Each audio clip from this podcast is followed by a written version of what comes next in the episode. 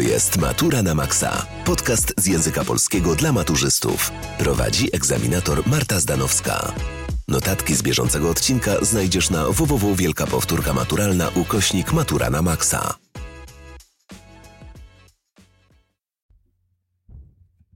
Witam Was, kochani, w kolejnej odsłonie podcastu. Dziś odkryjemy sekrety polecenia egzaminacyjnego na maturze pisemnej. Egzamin maturalny z języka polskiego w części pisemnej na poziomie podstawowym sprawdza umiejętność odczytywania, porównywania, analizowania, syntetyzowania, uogólniania problematyki dwóch tekstów nieliterackich. To jest część pierwsza język polski w użyciu. Znajomość zagadnień z historii literatury i rozumienia procesów w niej zachodzących. To część druga, test historyczno-literacki oraz tworzenie wypowiedzi argumentacyjnej, czyli część trzecia wypracowanie. Podczas egzaminu otrzymujesz dwa arkusze egzaminacyjne. Arkusz pierwszy składa się z dwóch części. Część pierwsza język polski w użyciu, część druga test historyczno-literacki. Arkusz drugi składa się z jednej części, jest to wypracowanie temat do wyboru. Na rozwiązanie zadań z obu arkuszy masz 240 minut i sam decydujesz o kolejności i rozłożeniu w czasie pracy nad poszczególnymi częściami egzaminu. Za poprawne rozwiązanie wszystkich zadań w części pisemnej egzaminu maturalnego z języka polskiego na poziomie podstawowym możesz otrzymać 60 punktów. Arkusz pierwszy, część pierwsza i druga.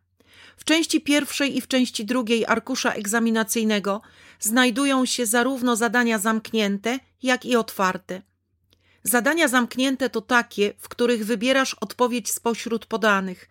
Wśród zadań zamkniętych znajdą się między innymi zadania wyboru wielokrotnego, zadania typu prawda-fałsz i zadania na dobieranie. Zadania otwarte to takie, w których samodzielnie formułujesz odpowiedź. Wśród zadań otwartych znajdzie się takie, które będzie wymagać zredagowania krótkiego tekstu, czyli notatka syntetyzująca. Zadania egzaminacyjne w części pierwszej język polski w użyciu dotyczą poszczególnych tekstów zamieszczonych w arkuszu egzaminacyjnym, a także wymagają skonfrontowania tych tekstów. Sprawdzają umiejętności z zakresu języka, retoryki, czyli środków językowych łączą na przykład rozumienie tekstu i zagadnienia językowe, mogą zawierać odniesienia do innych utworów, wymagające zderzenia treści czy przesłania, na przykład cytatu, z sensami zamieszczonego w arkuszu egzaminacyjnym tekstu lub tekstów.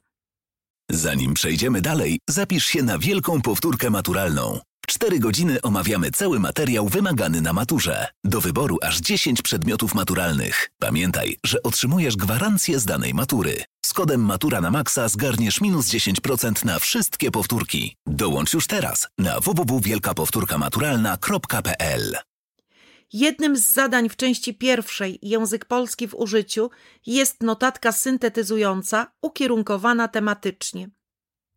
Zadania w części drugiej test historyczno-literacki. W tej części znajdą się co najmniej dwa zadania egzaminacyjne dotyczące każdego z okresów literackich. Starożytność, czyli antyk i Biblia. Za rozwiązanie wszystkich zadań dotyczących antyku i Biblii będzie można uzyskać maksymalnie trzy punkty. Średniowiecze, renesans, barok, oświecenie. Za rozwiązanie wszystkich zadań dotyczących tych okresów będzie można uzyskać maksymalnie 4 punkty. Romantyzm, pozytywizm. Za rozwiązanie wszystkich zadań dotyczących tych okresów będzie można uzyskać maksymalnie 6 punktów. Młoda Polska, dwudziestolecie międzywojenne, literatura wojny i okupacji. Za rozwiązanie wszystkich zadań dotyczących tych okresów będzie można uzyskać maksymalnie 6 punktów. Literatura lat 1945-1989, krajowa i emigracyjna oraz literatura po 1989 roku. Tu za rozwiązanie wszystkich zadań dotyczących tych okresów będzie można uzyskać maksymalnie 3 punkty. Arkusz drugi wypracowanie. W tej części arkusza samodzielnie tworzysz wypracowanie na wybrany przez siebie temat, nie krótsze niż 300 wyrazów. Możesz otrzymać 35 punktów. W każdym temacie są wskazane cztery elementy, które musisz uwzględnić w wypracowaniu. To znaczy dwa utwory literackie, w tym jeden wskazany jako obowiązkowy w liście lektur zamieszczonej w arkuszu egzaminacyjnym, i dwa konteksty pogłębiające rozumienie omawianych utworów do wyboru spośród na przykład kontekstu historyczno-literackiego, teoretyczno-literackiego, literackiego, biograficznego, kulturowego, mitologicznego, biblijnego, religijnego, historycznego, filozoficznego, egzystencjalnego, politycznego, społecznego. Każdy temat wymaga od ciebie odwołania się do obowiązkowej lektury szkolnej, wybranej spośród lektur obowiązkowych, których lista jest zamieszczona w arkuszu. W tematach wypracowania nie będzie wskazanego tytułu lektury obowiązkowej. Zatem, jaka będzie możliwość doboru utworów literackich w zależności od tekstu wskazanego w temacie wypracowania? Tekst pierwszy, wskazany w temacie wypracowania, do tego lektura obowiązkowa, czyli utwór epicki albo dramatyczny do wyboru przez ciebie. Może być też wiersz podany w całości. Tekst drugi do wyboru przez ciebie inna lektura obowiązkowa, albo lektura uzupełniająca, albo utwór literacki nie będący lekturą, albo dowolny utwór poetycki. Polecenie będzie brzmiało: w pracy odwołaj się do wybranej lektury obowiązkowej, innego utworu literackiego i wybranych kontekstów. Zasady oceniania wypracowania.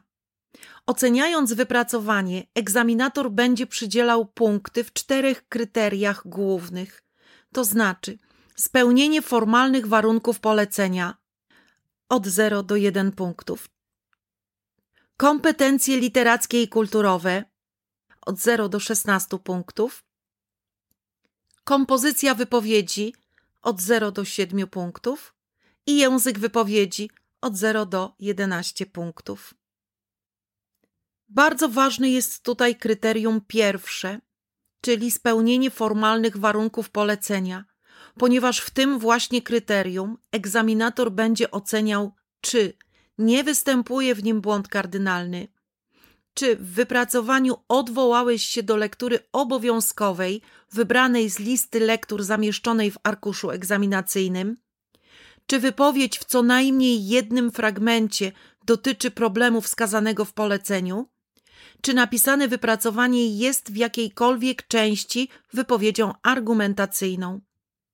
Dlatego koniecznie powtórz przed maturą wszystkie lektury obowiązkowe oraz najważniejsze podstawowe informacje o epokach. To bardzo ważne, ponieważ nieznajomość lektury powoduje, że popełniasz błędy rzeczowe, w tym ten najgroźniejszy, czyli błąd kardynalny. Poza tym, przy powierzchownej znajomości tekstów popełniasz błędy interpretacyjne, streszczasz lektury i masz problem ze sformułowaniem wniosków.